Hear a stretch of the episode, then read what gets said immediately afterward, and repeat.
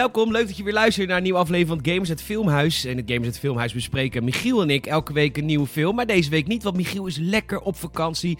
Hij is eventjes twee weken, twee weken van de kaart. En daarom heb ik een, eh, de komende twee weken een vervanger. Het is niemand minder dan eh, onze Patrick. Welkom Patrick. Bonjour. Uh, bonjour garçon. Oh nee. Ja, dat, is, uh, dat is jongen, hè? Ja. Ja, dat is jongen. Um, daar komen we straks op. Uh, we gaan voor deze uh, de tweedelige reeks gaat uh, de eerste week koos Patrick een film. En voor de volgende week kies ik dan een film die Patrick weer met mij moet kijken. ik, ben, ik ben al een beetje nerveus voor. Ik denk het... Dat mag, want het is echt een kutfilm. Ja, het was Brokeback Mountain. Nee, was het nou? en dan drie uur lang daarna ja, moeten kijken. Dat ik heel film...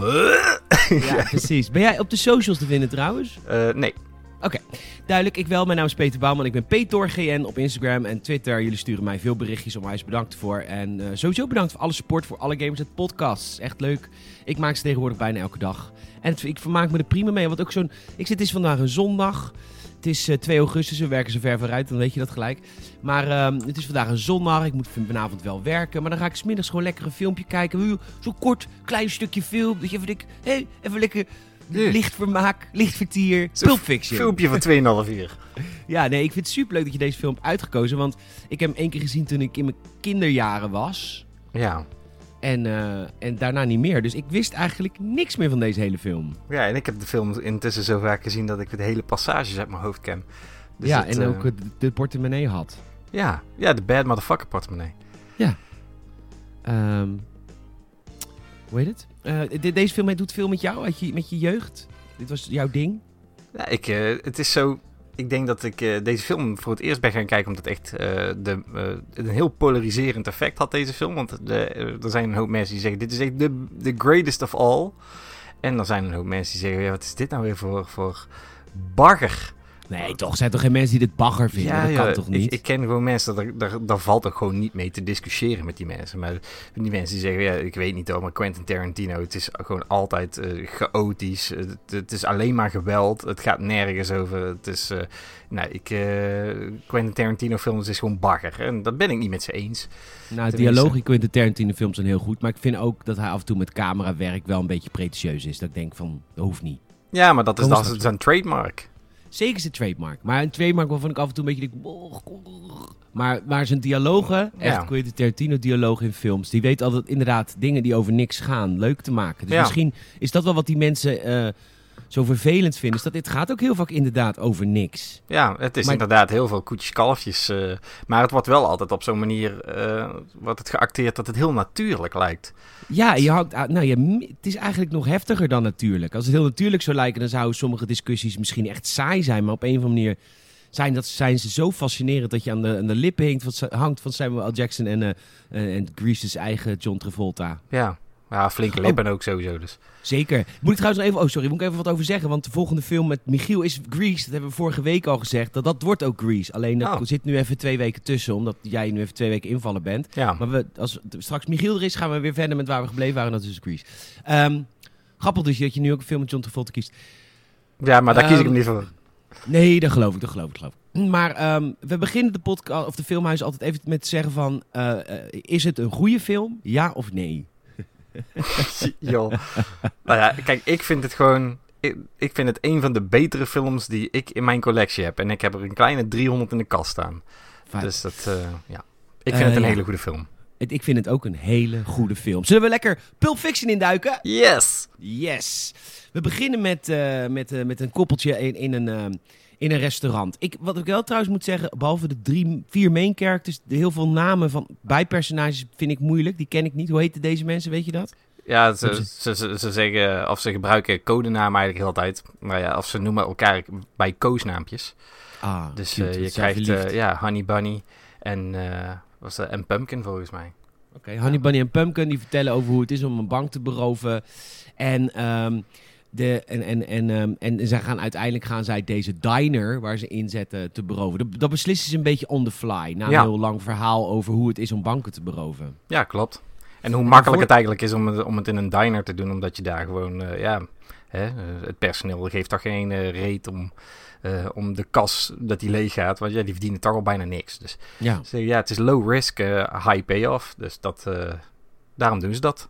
Ja, en, en de, de, die, die gast die noemt de ober nog garçon. En dan zegt de bediener, bedienster, Ja. de medewerkster, zegt garçon betekent jongen in het Frans. En dat is Ja. heel Amerikaans, hè.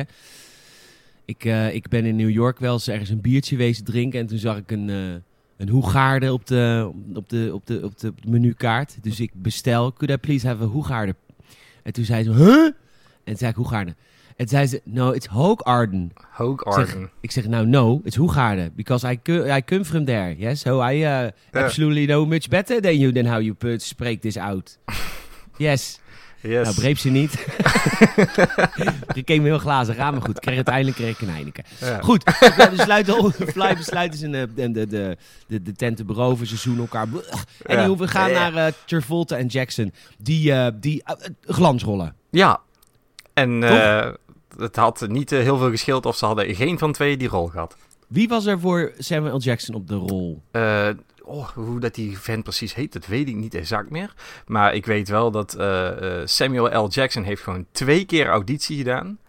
Eh, omdat eh, hij heeft eerst één keer auditie gedaan dan natuurlijk. Nou, was allemaal leuk. Toen kwam er nog iemand. Die deed het eh, zo goed dat Quentin Tarantino zei... Ja, Samuel L., leuk vent.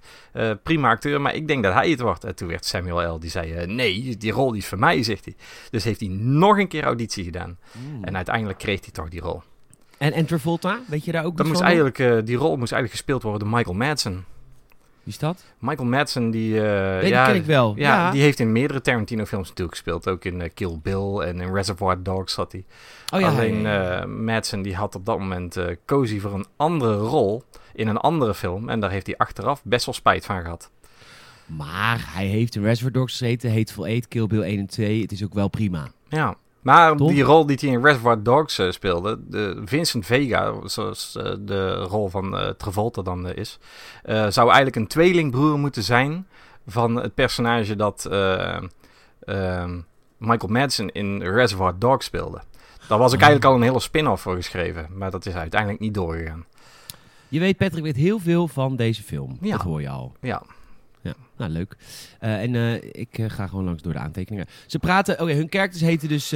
oh ja, dat wil ik ook even zeggen. John Travolta, ehm, die is heel erg hit or miss in rollen. De- anders dan Samuel Ja. Jackson, die eigenlijk overal goed is. Maar dit is echt, deze rol is echt voor Travolta geschreven bijna. Is hij Ja. niet, maar het is, hij doet het wel echt goed, hè? Ja, dat klopt. Ja. Ik, eh, maar dat was ook wel een klein beetje het, het dingetje met eh, Travolta. Die had natuurlijk eh, op dat moment niet zo heel veel meer ehm, op, op, zijn, op zijn lijstje staan. Kijk, hij heeft best wel gescoord met, eh, met enkele films. Maar er waren al een paar rollen voor Pulp Fiction die echt niet goed waren gegaan. Nee. Dus dat hij Vincent Vega mocht spelen, dat was wel weer echt een opleving voor zijn carrière. Ja, superleuk voor hem. Want hij heeft nog steeds heel erg hit or miss rollen. En ik vraag me altijd af, ligt het aan de acteur of ligt het, is het ook gewoon een beetje geluk? Ik, denk, dat het ook wel eens aan de regisseur ligt. Want een acteur, als hij kan acteren, kan hij acteren. Maar het ligt aan een regisseur wat zijn acteur moet doen. Ja. Dus ja, je moet wel een beetje dat eh, potentie uit een acteur halen. En eh, Tarantino, die kan dat gewoon. Ja, en Vince, dat is de rol die Travolta speelt. Die heeft eh, tegen Jules Jackson ehm, een heel verhaal over Nederland. Is leuk voor ons. Ja, Amsterdam inderdaad. En eh, hoe, eh, hoe tolerant dat we zijn met drugs. En dat je hier gewoon bier in de bioscoop kan eh, halen en zo. Maar tegelijkertijd ook wel zeiken dat we mayonaise op onze friet doen. Oh, daarover gesproken, want inmiddels is de Verenigde Staten, in de, de meeste staten in de VS zijn inmiddels veel verder dan Nederland als het gaat om progressiviteit qua drugs en bier kopen. Want je kan tegenwoordig zelfs in Disneyparken bier kopen. Ja. En op elke hoek van de straat wiet gewoon legaal aanschaffen. Dus wij zijn gewoon een, een walgelijk conservatief land geworden. Eh, maar over dat hele patat met de mayo, dat, was dus, dat is dus inmiddels ook in Amerika mag dat. Maar toen ik tien jaar geleden voor het eerst in Amerika kwam voor de E3... Toen bestelde ik altijd mayonaise voor bij mijn friet. En dan werd ik ook nog wel eens gek aangekeken. ja, want het is altijd ketchup. Het is altijd Ja. ketchup. Maar inmiddels is dat veranderd. Inmiddels vinden ze dat wel, eh, vinden ze dat wel oké. En het is dan een heel verhaal over Frankrijk en de Big Mac. Ja, de Royale with cheese. Vanwege onze metric system. Want Ja. wij snappen niet wat een pound is. Ja. Nou ja, dat snappen de Amerikanen zelf ook niet zo goed hoor, maar goed. Nee, er snapt niemand die niet het metric systeem heeft. Want het is gewoon... En dan hebben ze ook nog een verhaal over... ehm, over hoe de, de McDonald's in België is en dat ze niet naar de Burger King zijn geweest. Nou goed, Ja, dat in, in Frankrijk hebben ze La Quique. Ze Oh. de Quique. Dat is hun eigen eh, Burger King. Ja. Nou ja, ze hebben in Frankrijk gelukkig ook een Burger King. Want anders dan ging ik echt niet naar Frankrijk naar mijn vriendin. Nee, snap ik. Eh, Samuel heeft een pruik, zei hij hier. Ja. Ja, nou, Er zijn meerdere pruiken overwogen. Zelfs een hele grote fro. Maar uh, het werd een hele kleine vrouw. Uiteindelijk werd het deze beetje curly wig. Ja. En uh, hier vertellen ze, ze zijn op weg naar een opdracht. Ze vertellen over een pilot waar uh, de vrouw van Marcel Wallace in speelde. Ja. En Marcel Wallace is de grote kingpin in dit, dit verhaal, de grote maffiabaas. Ja. En hij heeft een vrouw gespeeld, Uma Thurman. En zij heeft in een pilot gespeeld, et cetera. Nu komt dus het verhaal ook naar voren dat... Um, deze gast. En die heeft uh, haar een voetmassage gegeven. En dan wordt hij dus ook echt vermoord door Wallace. Uit een raam gegooid. En dit, het is zo'n leuke discussie. Want, want uh, Travolta's karakter is het heel erg met, met, met Wallace eens. Van ja, een voetmassage is eigenlijk vreemd gaan. En Samuel L. Jackson vindt dat totaal niet. Nee, maar ja, hij zegt dan van ja, een voetmassage stelt echt geen flikker voor. Ik, ik, ik geef iedereen een voetmassage, behalve als het dan een vent is. Want, uh, ja, precies. Ja. Want nee, maar daar heeft Vince hem in de hoek geluld. Want op een gegeven moment zegt hij, would you give a guy voetmassage? Dan zegt hij, fuck you. Ja, ja flikker op, want ik word een beetje boos. ja, dus het is, ja, oké, okay, prima. Um, hier was jij heel erg te spreken over dat alles in één shot is, shot is opgenomen. Ja, gewoon die hele corridor eigenlijk, die camera, die, uh, die knipt geen enkele keer weg. Het is gewoon één lange scène. En dat, uh, dat vind ik uh, knap, want ik denk dat heel veel regisseurs dat niet meer doen. Dat ze liever voor de, voor de quick cuts gaan, zodat je ook makkelijker kan editen. Ja, ik snap nooit zo goed het respect dat Tarantino daarvan krijgt, daarvoor krijgt. Het is een manier, maar ik, kijk, soms vind ik het ook wel heel erg je... Kijk, luister. Op een gegeven moment... Dit, dit, heeft heel veel nadelen. Op een gegeven moment het laatste shot. Dan staan ze samen in de hal... voordat ze net naar binnen gaan om die gasten dood te schieten. Ja. Spoiler alert. Uh, de, die camera staat heel ver van de acteurs af als de acteurs praten. Dus je krijgt een paar problemen. Dus het is, het is allemaal gedubt. Dat sowieso. Dat moet. Want Samuel L. Jackson spreekt tegen een muur aan eigenlijk. Daar kon je geen camera of geen microfoon op hangen. Onmogelijk. Nee, misschien uh, is dat die pruik van hem. is wel gewoon zo'n hele grote deadcat microfoon. Weet je wel. nou, Oké, okay, dat dan. dan. Maar aan de andere kant, je beperkt uh, acteurs er ook heel erg in mee. Want je kunt, omdat je niet zoomt, omdat het allemaal zo ver weg is, en dat doet hij heel veel shots, dan kun je, dan kun je ook niet zien wat de acteurs doen. Dus het is een beetje, snap je? Dus jij noemt dit knap, ik noem dit, oké. Okay, die close-up shots hebben ook een doel hè, in films. Het is niet dat is niet van al, de, al die andere regisseurs zijn dom dat ze close-ups gebruiken. Dat heeft ook reden. Dat is namelijk dat je de emoties van de acteurs in de gezichten kan zien. Ja. Maar kijk, weet je, wat ik altijd een beetje het gevoel heb bij Tarantino is dat de cameraman is gewoon een extra personage in de film. Ja, maar dat is dus niet waar. Omdat als, je, ik, als ik bij, dat pers, bij die hun zou lopen als cameraman, zou ik dichterbij ze gaan staan. Want ik wil zien wat ze zeggen. Nou ja, ik wil vooral horen wat ze zeggen en dat doe ik wel. Maar goed, daar, daar kun je... Ja, dat nee, is discussiemateriaal. Ik, vind het... Het is ik, een vet shot, alleen ja. ik, ik kom even op voor andere regisseurs. Die heel vaak zeggen, oh, Tarantino-fans, van... Uh, dat, dat gezoom, dat, ge, dat... Maar dat is logisch, want je wil zien wat mensen zeggen. Ja, maar, maar het zoomen is ook meestal een klein beetje ja, cinematisch effect. Hè? Wat, wat een regisseur gebruikt en vooral in, in, uh, in bepaalde genres wordt het, uh, geeft het wel een extra vibe aan, aan, aan de sfeer. Als je bepaalde camerastandpunten gebruikt. En ja. Uh, ja, Tarantino, die doet zijn eigen dingetje. En uh, ik zal niet zeggen dat uh, Tarantino hierdoor de heilige regisseur is in, in Hollywood. Maar ik, vind het, het ik vind het wel leuk dat hij gewoon zijn eigen ding doet en zich niet zoveel aantrekt van wat anderen doen. Dat, dat is absoluut waar. Dat ben ik het, dat ben ik het mee eens. Um, Oké, okay, um, uh, die Wallace, hun maffiabaas, die uh, gaat weg. En, uh, en zijn vrouw is alleen. En dan moet Vince, de karakter van Travolta, moet haar een avond gezelschap houden. Ja. En uh, Jules die zegt, ja, dat is natuurlijk wel een date of zo. En dat is natuurlijk gevaarlijk, want ze hebben net verteld dat uh, vanwege een voetmassage iemand uit het raam is gegooid. Dus die spanning wordt al een beetje opgebouwd. Ja, maar het is geen maar, date. It's definitely not a date. No, definitely not. Anywho, ze zeggen, that, come on, let's get in character. En ze lopen binnen bij business partners van Wallace. En hier komt het hamburgerverhaal. Ja. Een onwijs leuke scène. Ja, de hamburgers van Bikke Hoenenburger, die kennelijk lekker zijn. Ja. Ik zou het niet weten. Ja. Ik heb nog nooit van Bikke Hoenenburger gehoord, maar goed. Ja. Maar die jongens, die, de drie jongens daar binnen, die hebben een koffertje van Wallace gestolen. Dat, dat, dat koffertje komen ze weer halen. En dat doen ze met heel veel dialoog en heel veel toffe de, de dingen van de Bijbel. Hij ja. citeert de Bijbel. Oh, gooit op een gegeven moment ook de tafel om. Dit was improvisatie, zei jij. Ja, ja die acteur die uh, inderdaad uh, uh, aan tafel zat te dineren, die had niet verwacht dat Samuel L. Jackson die tafel omver zou gooien. Dus je ziet hem ook gewoon schrikken als hij dat doet. En dat is improv, inderdaad, want het was, stond niet in het script. Wat vet, wat leuk. Ja, dat was, ja, Brad die kreeg eventjes de scares, ja. Ja, tof. Eh, op een gegeven moment, eh eh, Vince die pakt het koffertje, doet het koffertje open. En we krijgen nooit te weten wat er in het koffertje Nee. zit. Behalve dat er een Philips Hue Ja. systeem in zit. Ja, die op, licht die op het laatste moment nog eens toegevoegd, dat lichteffect. Oh, echt? Ja. Dat, maar dan, dan gaat mensen al wel gezegd. speculeren dat er gewoon goud in zit. Nou, de, daar gaan dus theorieën, een hele hoop theorieën over. Sowieso heeft Tarantino en medewerkers hebben ooit gezegd... in het koffertje zit wat de kijker wil dat erin zit. Dus die, prima. er zal nooit worden gezegd wat erin zit. Maar de, de meest hardnekkige theorie is dat in het koffertje de ziel van Marcellus Wallace zit. En eh, dat, dat- ze denken dus dat Marcellus Wallace zijn ziel aan de duivel heeft verkocht... en dat hij daarom ook die pleister in zijn nek heeft...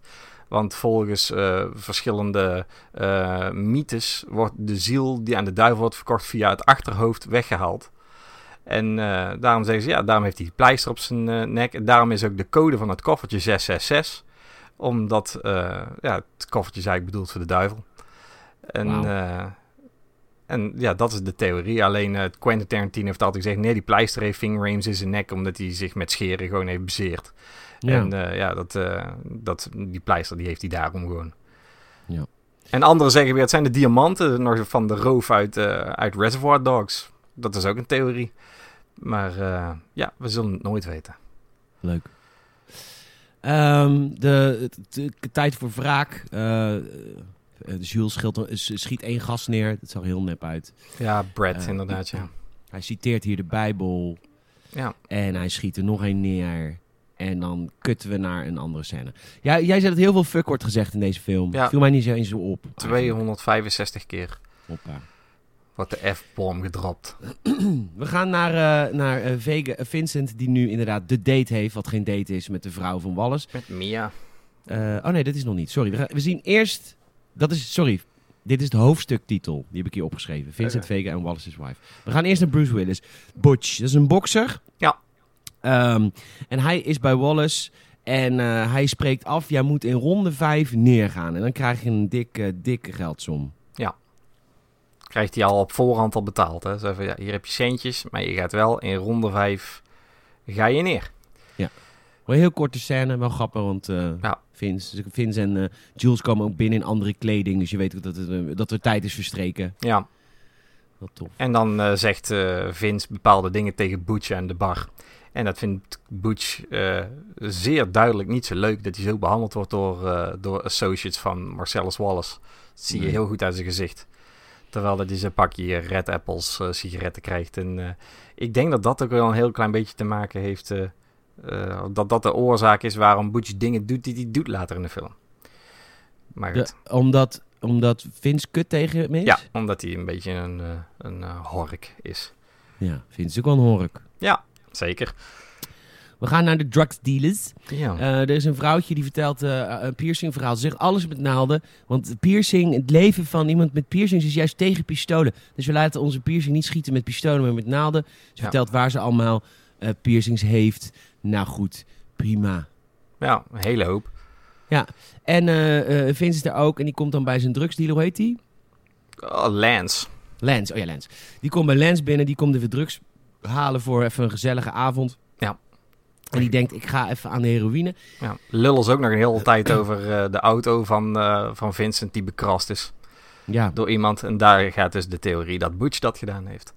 Maar dat, eh, Oh. omdat hij dus boos is. ja snap ik. Het duurt ook veel te lang, dat gesprek Dit- over die auto. Ja, ik heb ook niks over geschreven. Nee. Dus, dus ik, het is goed dat je het onthoudt. Maar ja, goed, je hebt de film 30 keer gezien. Ja. Ehm, maar goed, hier kwam dus het hele cocaïne-heroïne verhaal. Ja. Want eh, er, wordt, er, wordt, er wordt wit poeder neergelegd. Ik zeg gelijk, oh, dat is cocaïne. Ja. Hè? Gezellig, het is weekend. Maar eh, toen zei je, nee, dit, en dat wordt ook later, later uitgelegd in de film, of later in deze scène uitgelegd. Luister, het is even heroïne, want ik heb geen ballonnetjes meer. Want ballonnen doen we in hero of heroïne doen we in ballonnetjes. Cocaïne doen ze in zakjes. Ja, Maar de ballonnen zijn op. dus, Dus- ik doe het even in een zakkie. Doe het even in een zakje, dat je weet dat het heroïne is. Ja. Nou Goed. ja, dat weet hij natuurlijk wel, want hij neemt ter plekke een shot. Ja, dus hij Dus, neemt de eh, plek een soort heroïne. Hij zet die spuit lekker aan zijn, eh, aan zijn aders. En hier kwam een leuk stukje met het acting. En ik kan me zo goed voorstellen hoe dat is. Want ik ben zelf ook zo dat als ik zo'n rol zou krijgen, dan zou ik me ook heel. Ik, word, dus ik zou echt, zo, ten eerste zou ik geen leuk mens meer zijn in, het echte leven. dan zou het zou me gelijk naar mijn bol stijgen. Maar ik zou dit ook gaan doen. Ja. Leg eens uit wat, wat Travolta hiervoor heeft gedaan. Nou, kijk, eh, dat Travolta in de film natuurlijk een, eh, een heroïne shot neemt, eh, vond hij het wel leuk om te weten van, goh, hoe voelt het om, om heroïne, of onder invloed van heroïne te zijn? En zonder dat ook daadwerkelijk te moeten doen. Hij heeft, eh, Tarantino heeft hem naar een vriend van hem gestuurd die dus eh, heroïne verslaafd is geweest. En die heeft tegen hem gezegd, nou, het dichtst bij kom je als je jezelf echt compleet van de kaart zuipt met tequila en dan in een heet bad gaat zitten. Dan, eh, dat komt er het dichtste bij, het gevoel. En Wauw. is hij kennelijk, heeft hij tegen zijn vrouw gezegd voor Volta van... Ja, luister, ik moet voor een scène... moet ik echt mezelf helemaal naar de kloten werken met tequila... en in een heet bad gaan zitten. En eh, toen heeft zijn vrouw gezegd... Ja, tof, doe ik met je mee. Dus zijn ze kennelijk in een hotel... eh, zijn ze in een warm bad gaan zitten... compleet eh, met een... Met een de, heel de badkuip vol met tequila shotjes. Zij, zij alweer, vorige keer moest jij in jaren zeventig biker spelen. Toen zei je ook dat je dit moest doen. ja, wat is dat ik iedere keer? Travolta zegt gewoon bij el- elke rol. Ja, ik moet echt helemaal van de kaart raken. Ja, hoe voelt het als je gezicht er wordt afgetrokken en je een ander gezicht op je krijgt voor face-off? Nou, gewoon helemaal Ja. en in een warm bad zitten. Ja, zo- Ja. Dat zou zomaar kunnen, ja. Misschien Ja. Is, ja, we, we zien dus wel een bullshit verhaal van geweest, ja. Weet je wat een goede ondergewaardeerde rol is van Travolta? Nou. De, hij is eh, de eerste Punisher film. Daar is hij de bad guy. Dat oh doet ja, ja. hij zo goed. ja. Ik dacht dat je Look Who's Talking ging zeggen. Maar, Nou, maar is wel, hij probeert wel alles. Hij probeert serieuze rollen, hij probeert dansrollen, zangrollen, comedyrollen. Die, dat waardeer ik wel. Dat zou Samuel L. Jackson niet durven. Nee, die kan alleen maar rollen spelen waarin het heel vaak eh, motherfucker mag zeggen. En dat kon hij als de geen ander. Maar goed, ik, ik waardeer het van Travolta dat hij zoveel probeert. En als je veel probeert in het leven, mensen die de Games het podcast luisteren, die weten dit, dan, dan mislukt er ook veel. Ja, dat klopt. Maar goed, dus heel veel warrant. Hij neemt de heroïne, hij gaat lekker, eh, lekker even trippen in zijn auto. En daarna dan, eh, komt hij aan bij Mia, de vrouw van, van de, van de maffiabaas. En zij wordt gespeeld door Uma Thurman. En, zij- Uma Thurman, ja, ik was gek op Uma Thurman vroeger. Ja? Ja, en eh, zij maak een drankje voor jezelf, zegt ze door de intercom. Ja. En dan zegt hij, waar, waar ben je? En dan zegt ze, ik praat via, via de intercom. En dan zegt ze, ja maar, waar? En dan vraagt hij, waar is de intercom? En dan zegt zij, ja, je moet even daar naar de intercom lopen. Ja. En dan loopt hij naar de intercom en dan drukt hij, Waar maar disco. ja, en dan drukt hij op het knopje. En dan praat hij met de, via de intercom. Maar ze spraken net al met elkaar zonder dat hij op het knopje drukte. Ja, maar toen hoorden ze nog niet wat, wat hij zei natuurlijk. Het was een dialoog. Maar ja, goed. Misschien schreeuwt ze wel gewoon heel hard. Eh dan was de stem allemaal naar de tyfus. Dus ik denk, ja, doe wel even via de intercom nou. Oké, nou prima. Ze speelt met een via de intercom en eh, zij komt aan zonder schoenen. Dat, eh, dat is vaker, zeg jij. Eh, en dan Ja, je ziet haar volgens mij maar één keer met schoenen aan. En dat is echt maar een paar seconden. als ze dansen. Ehm, Oké, vervolgens, eh ja, je hebt hier, eh, gaan ze uit. Ze gaan samen lekker gezellig uit. Ja. Je, je had nog het stukje van... eh, Nou, Jack Rabbit Slims, die set, die heeft zo verschrikkelijk veel geld gekost om te ja, bouwen. maar dat is dus niet een bestaande... Nee. Nee. Mm. En toch zou ik het een heel tof restaurant vinden. Ik zou Ja, er best wel eens gaan eten. Ja. Ziet er leuk uit. ja, het is een leuke diner met, eh, met, met echt die haalt je terug naar de jaren 60 met grote Cadillac wagens en shit. Ja. Um, de Elvis Presley thema. En, ehm, Ja, dat de- zegt ze ook, hè. Elvis Guy would love it. Ja, precies. En ze gaan daar uit samen en eh, zij zegt ik heb gereserveerd en ik wil graag in zo'n auto zitten. Ja. En dan worden ze naar, eh, naar de auto begeleid. Heel lang. Door Buddy Hij Holly. loopt heel erg om. Ja, loopt Door, nee, door een midget piccolo. Oh ja, ja. Buddy Holly is Ja. eh, de, de ober. Wist je, een van onze racist eh, dingen, things in Nederland is dat wij dit midget golf noemen nog steeds. Ja, terwijl je mag helemaal geen midget slaan. nee. dus ik weet niet Maar heb ik wel eens verteld dat mijn beste vriend Leon in Amerika woont? Wel Ja, ja, dat klopt, ja. Welke podcast? Ja. En hij heeft natuurlijk eh, schoonouders die Amerikaans en die waren een keer in Nederland. Toen zei hij, well, let's go play some midget golf. Ja, en toen ze denken, what the helemaal fuck? gechoqueerd. Yes, and after that we'll play some nigger tennis. Ja. Yes. Nigger tennis. Maar goed, Cool. eh, goed, ze gaan zitten en eh, wat vind je van deze tent? En zegt hij, eh, vraagt zij aan hem en dan zegt hij, it's like a wax museum with a pulse. Ja. En dan eh, gaat hij een shaggy draaien, dat, dat Ja. drum, gewoon echt drum. ja, dat wel bestaand merk. Ja, Ja. en eh, zij wil een shaggy.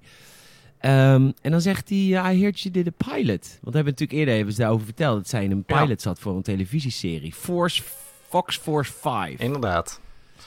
En uh, zegt ze, ja, dat is uh, prima. Ja, dus één aflevering die gaat, uh, ja, die pilot is geweest, is niet aangeslagen. Dus, maar het ging over, over vijf dodelijke vrouwen met ieder een eigen specialiteit. En zij was dan een van die vrouwen met een, met een, ja, een dodelijke specialiteit. En het leuke ervan is dat als je daar gaat luisteren hoe ze die personages omschrijft, het zijn gewoon de personages uit Kill Bill. Ja, leuk. Ja. Weer de Tarantino CU. Um, ze betaalt 5 dollar voor een milkshake. Het schijnt heel duur te zijn, maar dat is nu natuurlijk helemaal niet meer zo. Maar dat was toen heel duur blijkbaar. Ja. Um, en er valt een, ze, ze, ze, proeven de milkshake, milkshake is lekker. Ja. En uh, er valt een ongemakkelijke, uh, ongemakkelijke stilte. En ze zegt dat betekent dat je iemand belangrijks hebt ontmoet. Want dan kun je namelijk een ongemakkelijke of een gemakkelijke stilte samen hebben zonder dat die altijd ongemakkelijk is. Ja, precies. En het is waar, hè? Dus wat zij zegt is een levenswijsheid. Ja. Zij zegt dat ze neus gaat poederen. en uh, ze zegt, ik ga mijn neus poederen. Denk ondertussen aan iets om te zeggen. Oké. Okay. Ja. Nou, wij zagen de kooksnuiven natuurlijk. Want zij is van de kook. Hè? Ze is niet van de ja, heroïne. Zij is, zij, is, zij is ontwikkeld. Een beetje kookhoertje, ja. ja. En hij vraagt, als ze terugkomt, die vraag die ze moest stellen. Hij zegt, oké, okay, nou, ik ga je nu wel iets vragen, maar dit kan, kan je ongemakkelijk voelen. Het is een heel leuk dialoog, want hij zegt, moet je wel beloven dat je je niet ongemakkelijk voelt ja, of beledigd bent. Maar dat kan en zij zegt, ja, dat kan natuurlijk niet, want dat, is een emotie die ik niet kan uitzetten. Superleuk dialoog. En hij vraagt naar het massage, voetmassageverhaal. Is het waar dat jij een voetmassage hebt gekregen en dat jouw man iemand uit het raam heeft geflikkerd? Ja, overigens die man Tony Rocky Horror. Dat was, die naam is me altijd bijgebleven. Zo heette die gast die uit het raam was gesodemieterd kennelijk. Tony oh, Rocky Horror. Ja. En ze zegt, nee, de enige twee mensen die weten wat daar is gebeurd zijn mijn man en hij, Tony uh, Rocky ja. Horror. Ja, and one.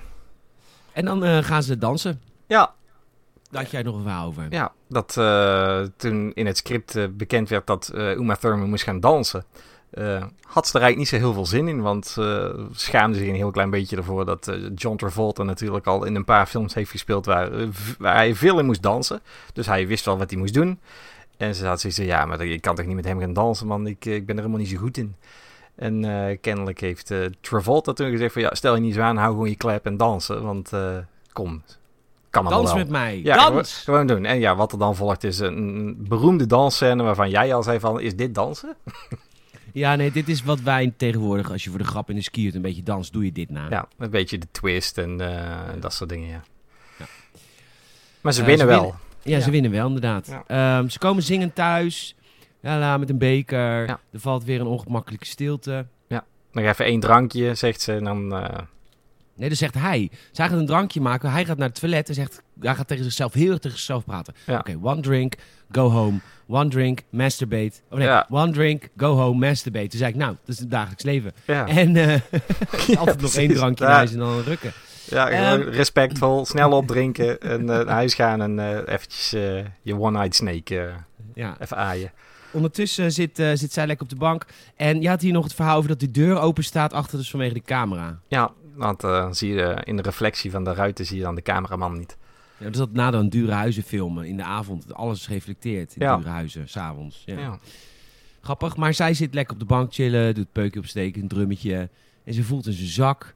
En ze voelt een zakje met wit poeder. En ja, het is in een zakje, dus het is cocaïne. Ja, dus ze denkt, nou kan ik wel eens even een snuifje van nemen. Ja, en uh, zij uh, snuift het. En dat gaat natuurlijk, je mag, kan heroïne, even als je luistert, je kan heroïne niet snuiven, niet doen. En uh, dat gaat natuurlijk fout, ze OD't. Ja. En echt heftige make-up, goede grimaus. Grimaus.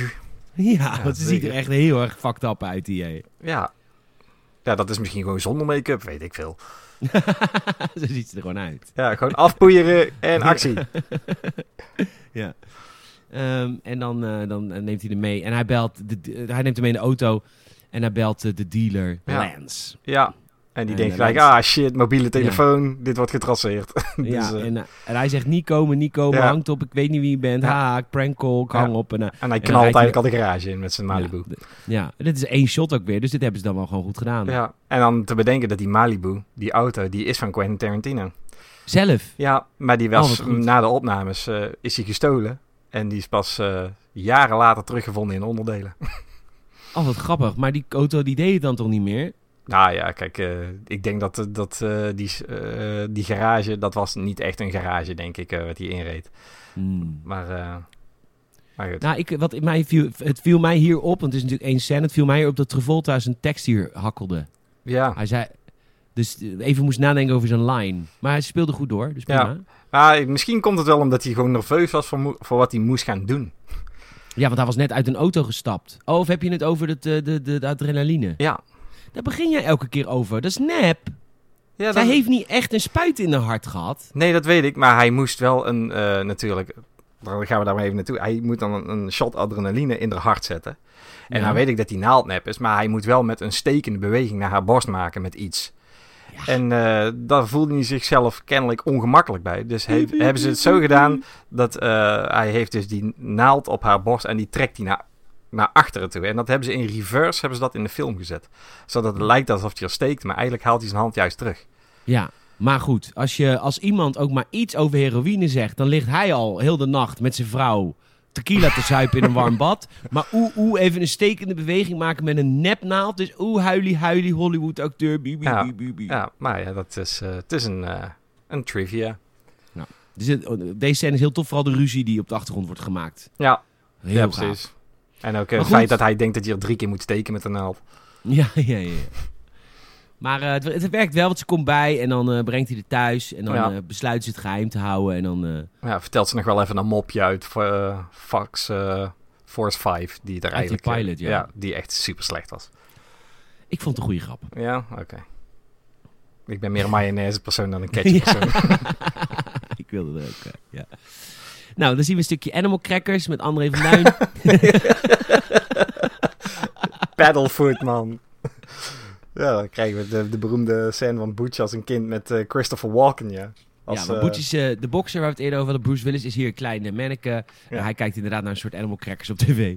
En dan komt Christopher Walken, ja, die komt als Captain Koons ja. vertellen dat hij met zijn vader in een gevangeniskamp heeft gezeten in Nam, Vietnam. En Ja. dat, eh, dat, dat de, de, zijn vader heeft een horloge die van overgrootpa heeft geweest. Zeven jaar lang, vijf jaar lang zijn- heeft hij hem in de kont bewaard. ja, En daarna Captain Koens al twee jaar lang. Dus over zeven jaar heeft deze horloge in twee anussen eh gebivakkeerd. ja.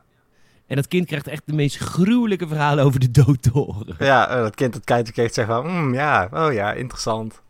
Maar eh, ja, weet begon niet waar het over gaat natuurlijk. Maar mooi ervan was wel, als je het over hakkelende eh, tekst hebt, dat Christopher Walken, die was dus in die hele scène, is hij ook een keer zijn tekst vergeten. En dan heeft hij echt een behoorlijk lange pauze.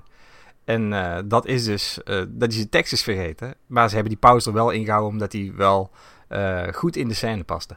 Ja, leuk. Dus Moet ook kunnen. ja, dus dat is ook wel eens leuk dat, dat een regisseur niet meteen zegt, ja, cut, doe maar weer opnieuw. Ja. Dat, eh, dat je het er gewoon in laat zitten. Je op de achtergrond hoort is mijn kat. Die is zijn pootjes aan het eh, schoonmaken. Ja, die, ho- die hoort net iets van de horloge, zeven jaar in een anus en die zit nou met een horloge te spelen. Ja. En dus dit was een flashback om even te vertellen hoe belangrijk het horloge is. Trouwens, Ja. ik lees nou mijn aantekeningen terug. Bijna 800 woorden. Ehm, het, is eigenlijk hele, het is eigenlijk best wel een paar kleine verhaaltjes die in deze film worden verteld. Als je Ja. het zo samenvat. Het zijn meerdere ja, verhaallijnen van de hoofdpersonages die uiteindelijk door elkaar heen weven heel de tijd. Ja, maar het is niet, bedoel, het is niet heel veel of zo. Het Nee, vijf, nee, vijf kleine verhaaltjes eigenlijk. Ja, het zijn inderdaad maar korte, Het is alsof je korte een, eh, anekdotes. ja, alsof je naar een verhalenbundel kijkt. Ja. Met korte verhalen.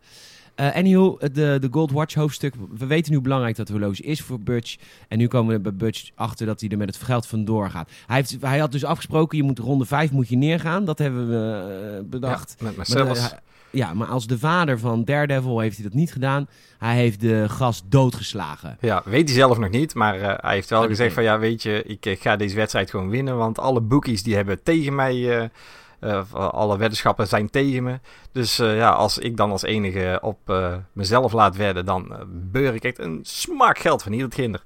Ja, dus hij gaat ook op de vlucht, want Wallace, die is hier natuurlijk niet blij mee. Nee, En hij wordt opgehaald door een vrouwelijke taxichauffeur. Ja. Raar. ja, vind je dat raar? Ja, Esmeralda Villalobos. Ja, die eh, dezelfde rol had in een andere film. Ja, een, eh, ja, ze heeft in een miniserie inderdaad, speelde ze ook een, eh, een getaway driver. Dus eh, dat was ze nou eigenlijk weer. Nou, en zij vertelt hem in korp de radio dat je hem hebt doodgeslagen. Nou, dat doet hem allemaal niet zoveel. Ja. Nou, En ze wil wel heel graag weten hoe het voelt om iemand eh, dood te maken. En dat eh, Ja. wil ze graag van hem weten. En eh, dan stoppen ze even bij een, een telefooncel en hij zegt ik ga naar Knoxville. En dat is niet het enige Knoxville wat in deze film voorkomt. Nee, nee want dat horloge van Butch dat was ook uit Knoxville. Ja. Of zoiets. Butch komt thuis. Ja, Maar ja motelletje. Motelletje, motelletje. ja, ja. Daar is een, daar is een vrouw, een beetje een rare vrouw. Maar ze is Frans. Ja. Ze is wel heel cute. Fabienne. Oh ja, is dat wel mag, cute, mag je het niet zeggen. Ja, maar het is wel een beetje... Ik, ik heb wel medelijden met haar. Ja, komen we zo op. Want eerst hebben ze een soort van raar gesprek over buiken, wat ik niet helemaal snapte. Ja, dat eh, gaat de theorie over dat ze eigenlijk zwanger is. En dat ze Oh. daarom ook al fantaseert over een beetje een dikker buikje. En eh, eh, dat ze zichzelf al voor de spiegel heeft bekeken. Van hoe zou ik eruit zien met een wat dikker buikje. En dat ze dat leuk lijkt en zo. Ah, oké. Nou, oké. nou, eh, anyhow, ze is wel cute. eh ze poetst zijn tanden heel lang. Ja, heel vermaakt. Ja, en hij valt in slaap en hij wordt de, nacht, de, de volgende dag wakker. Is nog steeds tanden poetsen. En inderdaad. En dan eh, komt hij erachter dat het anale horloge van overgroot papa weg is. Ja, heeft ze niet ingepakt. Nee. En dan slaat het opeens om van onwijs lief naar fucking boos. Naar weer, oh sorry, ik had niet zo bedoeld. Ja, van eh, ja, het is niet jouw schuld. Ik had Nee. niet gezegd hoe belangrijk het horloge was. Maar eh, Nee. je bent wel een beetje een eh onhandige wijf dat je dit vergeet. Ja. Maar goed, dan gaat hij gelijk wel weer sorry zeggen. ja, En, eh, dan hij gaat in de auto en hij gaat naar zijn appartement natuurlijk. En dat is natuurlijk heel gevaarlijk, want hij is een, een, wanted man. ja. En hij komt binnen in zijn huis en hij ziet daar een Mac 10 liggen, zeg jij? ja, Mac 10 inderdaad. En dat ding schiet echt eh, duizend kogels in een minuut. En, eh, maar hij denkt van, wat doet die Mac 10 hier toch? Ja. En dan eh, gaat er denk ik het deurtje van de wc open. En dan staat Vincent Vega daar in één keer voor van, ah, kak. Ja. Ja, John Travolta wordt hier gewoon kapot geschoten. ja, en dan denk ik dat het de complete magazijninhoud wel in hem verdwijnt. Jij zei dat je een theorie had over waarom Vince hier zat te schijten. En Ja. Waarom die zijn gun niet meenemen. Maar goed, dat is waarschijnlijk gewoon dom. Maar waarom zit hij te schijten? Ehm, nou, het, kennelijk, en dit weet ik niet uit eh, first hand natuurlijk, maar kennelijk eh, zorgen heroïne en cocaïne, die zorgen nogal voor Oh. obstipatie. En omdat eh, hij dus, de- misschien eh, is zijn obstipatie een beetje uitgewerkt. En eh, hij moet in de film eh, verdraaid vaak schijten. Ja. Dus hebben Oh, ze gezegd van dat- ja, van hij gaat naar een huis toe waarvan dat hij weet dat daar misschien wel iemand tegenkomt die, die eh, gevaarlijk kan zijn. En dan ga je toch niet op je gemakje een boekje zitten lezen en zitten schijten. Dus ja, misschien moest hij wel gewoon omdat, om, ja, Ja, om het eruit te krijgen. ja, vanwege zijn drug habit. Ja. Oké. Dat is de theorie daarachter. Oké, nou, Butch eh, heeft hem dus kapot geschoten. Echt gewoon bizar. Lekker, Ja, heerlijk. Lijkt te spelen. Ja. heerlijk om te spelen als je, om zo dood te gaan. Ja. Och, zo gaaf. Legt hij nog wel heel zachtjes dat die Mac 10 weer neer, terwijl het alarm gewoon aan het loeien is. Dat ik denk van ja, hoef je ook niet meer zachtjes te doen eigenlijk. Nee, maar hij heeft het nooit gedaan. Nee, Dat is nieuw voor hem. ja. En, oh, zo eh, in Die Hard heeft hij dat ook gedaan. Ja, dat is waar. Behoorlijk zelfs. Ik Ja. ben een motherfucker. Ja. Eh Die Hard ga ik ongetwijfeld ook nog een keer kijken of het film is. Wat een vette film is dat. Ehm, hij eh, vlucht weg in de auto van zijn vriendinnetje. En ehm, hij, eh, hij komt gewoon Marcel Wallace tegen. Ja, die lekker over, even over straat aan het banjer is. Ja, en eh, dus de, de crime lord, die is gewoon even een krantje halen of zo. Ja. Die kan gebeuren. En Butch rijdt hem aan en daarna crasht Butch de auto. Ja, zonde hè, van dat Hondatje. Ja, heel veel toevalligheden hier, Ja, maar prima. Eh, Wallace die komt bij en die zegt, ja, als je getuigen zoekt, zeggen allemaal vrouwen om zich heen. Als je getuigen zoekt, dan, uh, wij hebben het allemaal gezien. En dan getuigen van wie? Ja, van die man daar die hem met zijn auto is gecrashed. En dan denkt hij, kut, dat is Butch. En dan pakt ze een enorme wapen. Echt bizar. ja. En eh, hij loopt gewond op hem af, een beetje strompelend. En probeert op hem te schieten. Schiet op een vrouwke. ja. Gewoon een omstander, collateral, sorry. En dan komt er een hele klullige achtervolging waar ik echt heel erg hard om moest Ja, lachen. jij vond dat wel grappig inderdaad. Ik vond dat extreem grappig. Mocht je het eh, live willen horen, we hebben het audiocommentaar op patreon.com slash gamersnet. Ehm, kun je met ons de film kijken. En eh onwijs grappig. Hij eindigt uiteindelijk in een winkel, in een pawnshop. En ehm, hij Butch pakt daar Wallace aan en zegt ik schiet je dood, schiet je dood. Maar er wordt ingegrepen door de, door de medewerker van de winkel met een shotgun. Ja, die zegt hier wordt niemand doodgeschoten, behalve door mij en Z. Ja. Ja, En eh, hij belt ook gelijk zet op de baas, denk ik. De ja of, eh, wat ik zag op oh, zijn, eh, op zijn eh, blouse staat dat hij security officer is. Ja. Dus eh, ja. En eh, de jongens worden wakker met een, eh, ja, Ik noem het, ik noem het zaterdagavond. Ja, een balgag inderdaad in de mond. een balgag in. En ehm, Bruce Willis heeft het daar heel moeilijk mee. Die had echt lastig met ademhalen, maar Bruce went. Ja, Eh, ja. En, eh, ze... en ze worden wakker gemaakt met water. En inderdaad, Z komt binnen, een soort agent. Hij, hij bedankt de shop-eigenaar. En die haalt op de achtergrond een slaaf erbij. ja, de gimp. random. Gewoon, die zit er in een kist. Dat is gewoon zijn dagtaak. Gewoon in een leren of in een latex pak zitten en eh, in een kist wachten. Dan we je eruit halen. Er zijn mensen die dat echt vet vinden. De Gimp, ja. Ik heb ooit wel eens begrepen, en ik weet niet of het waar is, dat ze bij eh, Top Gear de Stig eigenlijk ook de Gimp wilden noemen. Maar dat ze geen acteur konden, of geen, eh, geen coureur konden vinden die zich wilde, eh, of die de naam de Gimp wou dragen. Dus Nee, hebben ze maar de wel. genoemd. Ja. Oké. Ja, de Gimp zegt ook helemaal niks. Ja, nou ja, which one do you want first? Vraagt eh, de medewerker Ja. aan, eh, aan Z. En hij eh, doet ini, mini, mini, mo, bla, bla, bla. Ja, de lange versie. ja, de lange versie, want hij komt uiteindelijk aan bij, eh, bij Wallace. Ja, Wallace, de, de, een hele grote zwarte man, die wordt mee, achter, mee naar achter genomen voor een ouderwetse robbertje verkrachting. ja keihard in het poepertje gepaald, ja. Ja, ja, ja, ja. En dat, dat is ook in de trant van de film. Want in de begincredits zagen we dat Harvey Weinstein dit natuurlijk geproduceerd heeft. Ja, dus ja eh, niet eh, zonder een beetje verkrachting, kom. Nee. Die zag al bij Mia Wallace ja, dat ze daar druk op lag van ja, nou maak er misbruik van. Nee, doen we Ja. niet. Nou, dan doen we het zo. We het zo. Eh Butch, eh, eh, die kan ontsnappen. Die, die weet zijn, zijn touwen en zijn bolgag weet hij van te bevrijden. Hij slaat de slaaf neer. En hij wil weglopen. En hier krijgt hij een geweten. Ja, hij denkt die kan toch zo Marcellus Wallace niet achterlaten terwijl dat die keihard zijn, zijn, zijn, zijn aars eh, uit elkaar getrokken wordt. Nee, mooi Dus- omschreven, Patrick. Je zou ook films moeten maken. Super subtiel. Ja, En hij kijkt boven eh, naar een hamer. ja hij denkt van ja, Hmm. havertje kan en een kettingzaagje kan en eh, weet ik het, eh, het kan allemaal. En dan ziet hij in één keer een katana. Ja. maar dit is wel ultiem, want het, het, het heeft ook een beetje met eer te maken, hè, een katana. Dus van de samurai die handelen altijd in eer. En dus ja, daarom ik speel denken. Ghost of Tsushima nu. Ja, ja, ik ook toevallig. Dus dat, Ja. ja, dat is wel vet. Maar dan zeggen ze, ja, dat heeft er dat- wel een, een, een soort van een link dan. Want ja, hij hoeft het niet te doen natuurlijk. Maar Ja. hij wil wel eervol gewoon eh, eventjes zorgen dat, dat, eh, dat Z en, en zijn, eh, en zijn winkeleigenaar eventjes gaan boeten voor wat ze hebben gedaan net. Ja. Dus eh gaat hij Hij, toch maar zelfs maar hij hakt de pawnshop owner neer. Ja. En hij en Butch pakt, of Wallace pakt ondertussen de shotgun en schiet Z in zijn kruis. Ja, En dan komt er een dialoog ja, van luister, ik ga deze gast met heel veel mensen heel langzaam doodmaken, heel erg martelen. ja. En dan vraagt, eh, en dan vraagt Butch, ja, ik bedoelde eigenlijk niet wat je met hem ging doen, maar ik bedoelde eigenlijk meer hoe Ja. zit het met jou en mij. Moest ik ook heel erg om lachen. ja. En, eh, oh, hoe zit het met jou en mij? Ja, Weet je, twee dingen.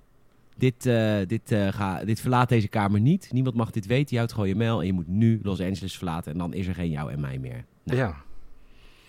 Nou, zegt hij is goed. En dan gaat hij, gaat hij op zet zijn eh, chopper, want het is geen motorcycle, hè? het is een chopper. Nee, is het chopper. Ja. Ja, en dan gaat hij zijn vriendinnetje ophalen. En eh dat vond ik ook zo leuk. En dan zijn vriendinnetje is zo schattig. En hij heeft gewoon echt mood swings. ja, maar ja, we denken, hij zit helemaal onder het bloed. Hij, is net, eh, hij heeft net eh, een, een vooruitzicht gehad dat hij keihard eh, eh, verkracht zou worden. Ja, en dan, eh, ja, dan denkt, ze, weer- denkt ze ook van, waarom zit je helemaal onder het bloed, joh? Ja, Ja, allemaal lieve vragen. En dan Neus hij gebroken, weer- niks aan de hand. ja, wordt hij weer boos en dan gaat zij weer huilen. Ja, ja, sorry. zo, het is zo herkenbaar. Ja, nee, ik hou van je schatje. Het is niet erg. Het is Ja. niet erg, lieverd. Maar ik had je gevraagd of je pannenkoeken wilde maken. Sorry, schatje. Nee, maar dat bedoel ik. Nee, maar dat bedoel ik. Maar je zou, voor, je zou de koopmans halen. Maar ik ben ja, heel ja. herkenbaar. je probeert jezelf echt in te houden, maar tegelijkertijd wil je echt gewoon in elkaar trekken. Dat soort dingetjes. ja. Het, ligt, het ligt echt niet aan jou, het ligt aan Het ligt mij. echt niet aan jou, Nee. ik ben echt heel boos. Ja. Goed, we gaan eh, dit, tot, dit, tot dit punt was de film eh, chronologisch. Op het kleine flashbackje naar met Butch als kind. ja. Eh, we gaan nu, we gaan nu eigenlijk, eigenlijk is de murder, de murder mystery. We gaan nu terug in de tijd om alles op te lossen. Ja. We gaan terug naar het moment dat Vince en eh, Jules, Samuel L. Jackson, hun speech uit de Bijbel geven bij die gasten. ja, weet je nog van eh, welke, welke Bijbelspeech dat is? Nee. Ezekiel 25, 17. Welke grotendeels niet klopt in de film. Maar dat, eh, dat even terzijde. Maar het is wel een heel bekende geworden, want hij is in heel veel muziek hebben ze uiteindelijk Ezekiel 2517 eh gebruikt als, als sample. Oké. Maar dat, ik zou zeggen, Leuk. Maar we zien de scène vanaf een iets ander perspectief in het begin. Want er zit dus nog een vierde guy op het toilet met een enorme dikke gun. ja, met een handcannon. Ja. En, eh, en hij komt dus de toilet uit en schiet die revolver helemaal leeg. Ja, en niks is raak. Niks is raak, wat ook niet kan. Maar het is toch. Maar, en Jules zegt: dit is divine intervention. Ja, maar wat ook Vince. divine intervention was, is dat die kogelgaten al in de muur zaten voordat hij begon te schieten. Precies, het Kleine- is divine. Kleine fout, maar dat maakt niet uit. maar niet uit. Hele discussie. Ja. Jules noemt het de divine intervention. Vince zegt: Ja. het is gewoon geluk. Ja, die zei, ja, niks, eh, dit heeft nergens mee te maken. Ja, en die discussie die vordert zich als ze teruggaan, eh, of ze in de auto terug naar Wallace zijn.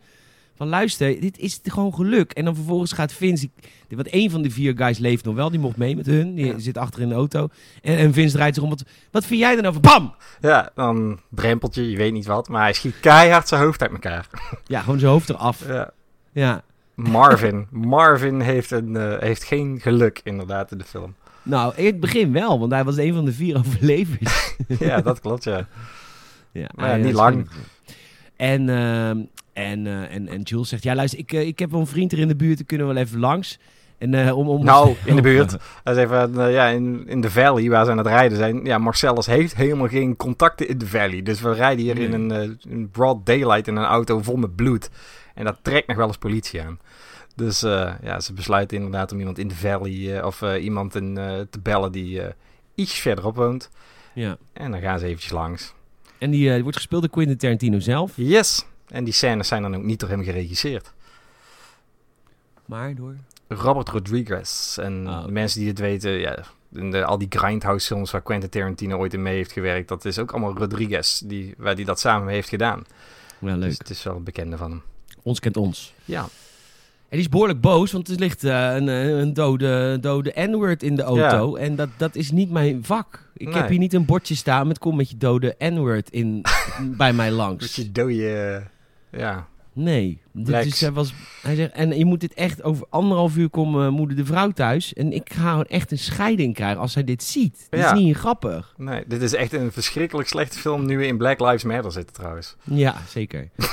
Eh, Jules die zegt, die, ik, weet je, ik bel Wallace wel even, de, de maffiabaas. En Wallace zegt, weet je, luister, de wolf komt eraan. En Winston Wolf komt langs. ja. en dan, dan zegt hij nog de bekende woorden, shit negro, that's all you had to say. Ja. ja, Maar precies. ja. Wolf is de man die problemen oplost. Gespeeld door Ja. Harvey Keitel. En die rol is speciaal voor Harvey Keitel geschreven. Oh, wat leuk. Ja. En hij heeft deze rol ook nog meer gesnabbeld, zei hij nog. Ja, eh, achteraf eh, zijn er na het uitkomen van Pulp Fiction heeft hij eh, dezelfde Wolf nog gespeeld in eh, verzekeringsreclames. Met manies maken. Ja, dus eh, even lekker snabbelen. Want ja, je moet toch wel een beetje een accurate kunnen blijven rijden. Hè? Het is wel echt een eh, onwijs leuke rol. Hij komt, eh, hij komt aan, hij vertelt het plan. Luister jongens, jullie gaan de auto schoonmaken. Ja, En dan ga ik even met, dan ga ik doeken, dekens zoeken. En Ja. ik doen we dan over de bekleding. En als hij dan wordt aangehouden, dan ziet het de spikkerspan uit. En dan eh Vince de Volta, die zegt, ja, je kan alsjeblieft zeggen, Ja. alsjeblieft de auto wil Ja. schoonmaken. ja niet zo blaffen, daar kan ik niet zo tegen. Nee, ik kan niet zo goed tegen autoriteit, ook herkenbaar. En Wolf zegt, nou luister, ik ben hier om jullie te helpen. Hè, dus wat de fuck, ik wil ook weggaan. Eh, eh, dus als je pretty, pretty, pretty please, wil je alsjeblieft nu die auto schoonmaken? Ja, pretty Ja, please with doen. sugar on top. Ja, en eh, eh, ja, precies. En, dan, en, en, en de jongens gaan de auto schoonmaken. En, en Jules terecht kwaad op Samuel Ja- of eh, op, eh, op Vince. Ja, die staat er een beetje hersenen van de achterbank af te plukken. ja. Dus eh, En, en, en dit is een beetje de theorie waar ik ook naar leef. Want dan zegt Vince zegt op een gegeven moment... Ja, maar als je je fouten toegeeft... dan mag je in principe daarna niks meer over die fout nee, zeggen. dan ben je vergeven. dan ben Als je je, als je vergeven. Je fout altijd. toegeeft, dan is het vergeven. Hij zegt van ja, dus als je er over begint, ja, dan ben ik als een racecar in the red. Hè? Dan, je, je brengt me naar een punt, naar mijn, naar mijn grens. En Ja, ik ben op het punt om die grens te overschrijden, dus pas een beetje op nou. Het is zo huilie huilie. Ja. en dan komt, eh, ja, dan, dan gaat, eh hoe heet het, eh, Jules, die gaat al eventjes lichtelijk uit zijn stilpannetje. ja. Maar die zegt, you ready to blow? Well, I'm a mushroom cloudling motherfucker, motherfucker. Dat, dat vind ik zo mooi. echt, die, die scène, die, ja, die blijft mij echt heel erg lang bij. Maar ze hebben wel eh, het goed gedaan. Snel en goed. De ja, want ze hadden eigenlijk maar 40 minuutjes, zegt hij in eerste instantie. Ja. En dan hebben ze naar de rand hebben ze nog een kwartiertje eh, over. Dus in 25 minuten hebben ze dat gedaan. En vervolgens moesten ze zich eh, uitkleden in de tuin. En dan worden ze helemaal afgespoten met water. Ja. En eh, even voor duidelijkheid. En dan krijgen ze nieuwe kleding. Overigens heeft eh eh, wel verschrikkelijke zeep. Als we eh, Vincent Vega moeten geloven. Hoezo? Ja, als ze er handjes aan het wassen zijn. Dan heeft, eh, vlak nadat ze arriveren eigenlijk daar bij, eh, bij eh, Jimmy. Dan zeggen ze ook van ja, dan flipt Jules hem helemaal nog omdat zijn zijn handdoek helemaal rood van bloed is. ja. Je van ja, what the fuck, maar je moet wel je handen wassen. Eh, ja, dat, maar dat heb ik toch ook gedaan. En mijn handdoek die ziet er niet uit als een, eh, als een gebruikt maandverband. Ja, Dus- en dan zegt Vince, ik heb mijn handen gewassen. En dan Ja, zegt Jules, nee. ik heb je water op je handen ja, ik heb doen. gezien ja. dat, je ze dat je ze nat hebt gemaakt. ja. Het is best wel een soort gay couple, die twee, soms. Mooi. Goed. Maar Nou goed. en eh, uiteindelijk lossen ze alles op, want ze gaan naar een autodealer die... Disposed of the bodies. Zij krijgen andere kleding. Dat verklaart ook dat ze eerder in de film andere kleding hebben. Maar dat is natuurlijk weer later in de film. Ja. Het is chronologisch niet zo moeilijk hoor, Patrick. Nee. Alleen, ja, het is gewoon even allemaal verschillende tijden Ja. waar we in spelen. Want we gaan nu weer helemaal terug naar het begin van de film. ja. Dan zit je weer in de diner. Ja, dan zitten we in de diner. De jongens gaan het eh, overvallen. Maar ja, Jules en Vince, die zitten gewoon in de diner. En Vince moet poepen. Dus hij zegt, luister, ik moet weer poepen. Want ik moet elke keer poepen. Ja. En weer met dat Oh, boekie. oh, oh, nee. Eerst zeggen ze praten over God. Want eh, Jules heeft echt... Dit was Ja. divine van God. Ik ga nu met pensioen. Ik ga als een, als een, als een rondtrekkende nomaat de wereld over. En dan zegt Jules... Dan zegt Vince... Weet je wat je nou omschrijft? Je omschrijft het leven van een zwerver. Dat is dus wat je gaat doen. Ja. Ja. Een beetje walk the earth like Kane in Kung Fu, ja, zegt hij. Ja, dat, eh, je, bent gewoon een, eh, je bent gewoon een zwerver als je dat gaat doen. Ja. Mooi ervan was dat eh, in, in Kill Bill eh, Samuel L. Jackson dus ook een beetje een drifter speelt. Oké. Maar Dus is het dan ook echt... Heet, heet hij dan ook Jules? Eh, nee, volgens mij noemen ze hem niet echt bij naam. Ah. Maar het is, en ze hebben ook nog een heel erg leuk gesprek over varkensvlees. En waarom Ja, dat, dat was- waarom dat Jules geen varkensvlees eet. Wat was dat dan? Dat heb ik even gemist. Omdat hij zegt, ja, een varken, dat is een, een smerig dier, want het eet zijn eigen stront. En dan zegt eh, Vincent nog van, ja, maar een hond eet ook wel zijn eigen stront. Is dat dan ook wel een smerig dier? Zegt hij, nou nee, een hond heeft personaliteit, heeft een beetje, hè, is een, beetje charmant. Hij zegt dus, ja, als een varken charmant is, dan is het in één keer geen smerig dier meer. Dan ja, het moet wel echt een heel erg charmant varken zijn. Ja, Dus het gaat eigenlijk over pork chops de hele tijd. ja leuk. En dan moet hij inderdaad toch maar eens gaan scheiden een keer, want eh, ja, hij, eh, hij, hij, wil, hij wil gewoon zijn boekje lezen, denk ik. Ja, kan ook. Oké, en dan eh, gebeurt de overval. Nou ja, dan, eh, Jules zit op dit moment dus te schijten. Of eh, Jules zit gewoon in de diner Vince te schijten. De overval gebeurt. De, de, iedereen moet portemonnee leveren. De, de baas van de diner die moet nog zeggen: iedereen moet rustig blijven. Ja. En de overval gebeurt. En vervolgens komt hij bij, bij Jules terecht. En die geeft hem de portemonnee. Een portemonnee die best wel sneu Patrick ooit gekocht heeft. Fijn. Ja, je zei rand, Nee. ik wil ook zijn portemonnee. Dus, ik zou ook zijn portemonnee. Maar ja. ik ben ook fucking sneu. Maar als je het weet, dan mag je alles doen. Ja. Als je het maar zegt van tevoren. Bad motherfucker portemonnee, ja. Yes. En eh, die doet hij in de, in de zak. En dan, maar hij heeft ook nog zijn hand op een koffer. Ja, Namelijk het koffertje. ja het koffertje. Dan zit die wil ik ook. Dus eh, Ja, en die wil hij hebben inderdaad. En, maar dat ga- gaat natuurlijk niet gebeuren. En er ontstaat een, een standoff. Want ja. de switcheroo, ja. Ja, Jules pakt natuurlijk het wapen af van, eh, van die guy. En die richt het wapen op hem. Heel spannend. Zoals alleen Samuel L. Jackson dit kan spelen. Super tof. Want ja, Vince komt er ook weer bij. En die richt zijn wapen op de, zijn vriendin van de overvaller. Ja, En die, die wil haar gewoon echt dood hebben. Maar hij is bekeerd, Jules. Dus hij zegt, ik, hier zit 15.000 dollar in de portemonnee. Die mag jij houden als je dan ook nog alle portemonnees Oh, van oh, deze mensen meeneemt. 1500, hè. 1500. Oh, 1500. Als je ook nog alle portemonnees van deze mensen meeneemt en de kas, heb jij een supergoeie dag, maar ik neem de koffer mee. Ja. En Vince zegt gewoon, ja, dan ga je echt, wat de fuck, Nou, dit als ga je je niet dat doen. doet, dan, dan schiet ik jezelf overhoop. En dan wordt Jules echt zo boos op zoals alleen Samuel L. Jackson dat kan. Ja. Dus even, ja, hou nou gewoon je klep dicht. Ja, zo, dat zou een goede Nederlandse versie van deze film zijn. Hou gewoon je klep dicht, Vince. Ja. Je moet gewoon je smoel houden. Ja. En, eh, want, want ja, Jules is bekeerd, hè? Dus die, die gelooft nu echt dat hij eh, door God is geholpen. Dus die wil ook de overvallers niet doodschieten. Nee, dan gaat hij helemaal uitleggen over zijn Ezekiel 2517 dingetje. Dat dat normaal betekende dat het je einde was. En nu gaat hij echt een hele hoop filosofie eh, erop loslaten van... Ja, wat betekent dat vers eigenlijk altijd wat ik zeg? Ja. En dan gaat hij daar een paar theorietjes op loslaten wat het betekent. En ja, Net daarvoor heeft hij ook de koffer, de inhoud gezien. Tenminste, Ja. wij niet. Wij zien die koffer Nee, niet. Maar inhoud. wel die overvaller. wel weer die Philips Hue natuurlijk. Ja, en die zegt dan ook, oh, dat zegt hij, het is, eh, het is hartstikke mooi. Ja, maar je mag het niet hebben. Het is niet voor jou, zegt hij dan. En dan laat je uiteindelijk gewoon gaan. Ja, en dan, lopen eh, ze weg. Ja, en dan eh, zeggen Jules en Vincent ook, eh, ja, weet je, wij gaan ook gewoon. En dan is de film afgelopen. Ja. Patrick, ik wil je allereerst even bedanken dat ik deze film met jou heb gekeken. Want ik vond het echt heel erg een leuke zondagmiddagbesteding. Ja, ja, je hebt wel eens anders doorgebracht, denk ik. Zeker. En dat gaan we volgende week ook doen. Ja. Maar, ehm, hoe heet het? Ik, eh, ehm, eh, ja, ik vond het echt een vette film. Dankjewel. Echt Ja. heel tof. Geen probleem. Voordat, we, voordat ik Patrick ga vernederen met de film die we volgende week gaan kijken... Oh jee.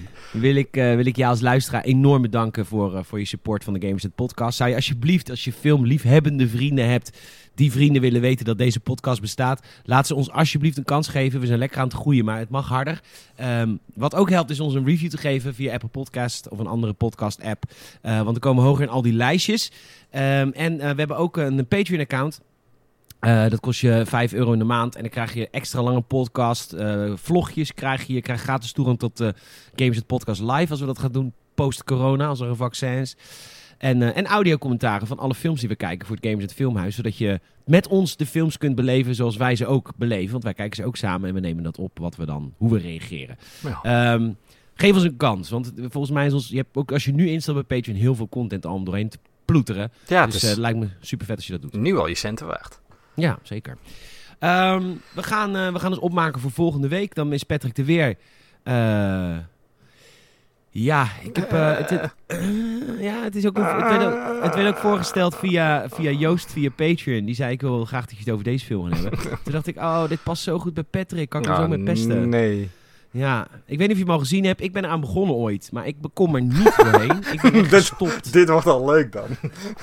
Ik was gestopt na 20 minuten. Ik dacht: Wat is Oei, dit? nee. Ja, ja, ja, ja. Nou, verla- verleid me uit, eh, of verlos me uit mijn lijden. Zo, Ja, ik wil even uit weten welk jaartal dit komt. Nou, zeg het maar, dan misschien weet ik het wel.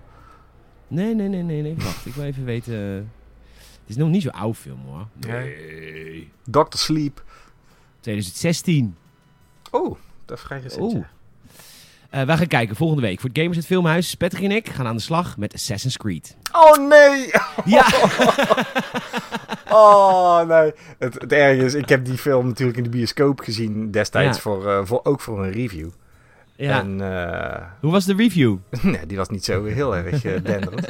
Maar kijk, ik kijk ernaar als een fan van de Ja, franchise. precies. Want daarom, jij, Dus- jij hebt Assassin's Creed tatoeages. Dus ik dacht, dat Ja. vind je leuk. Ja, nee, nee, want, leuk, nee, die film die klopt echt niet. Dus, eh, maar goed, Nee, maar dat, dat is dus leuk om daar even over te hebben. ja, oké. Nou, prima. Nou, Ja. bedankt dan eh, Joost voor, eh, voor, deze, voor deze hidden blade in de rug. Zo voelt het. Zo.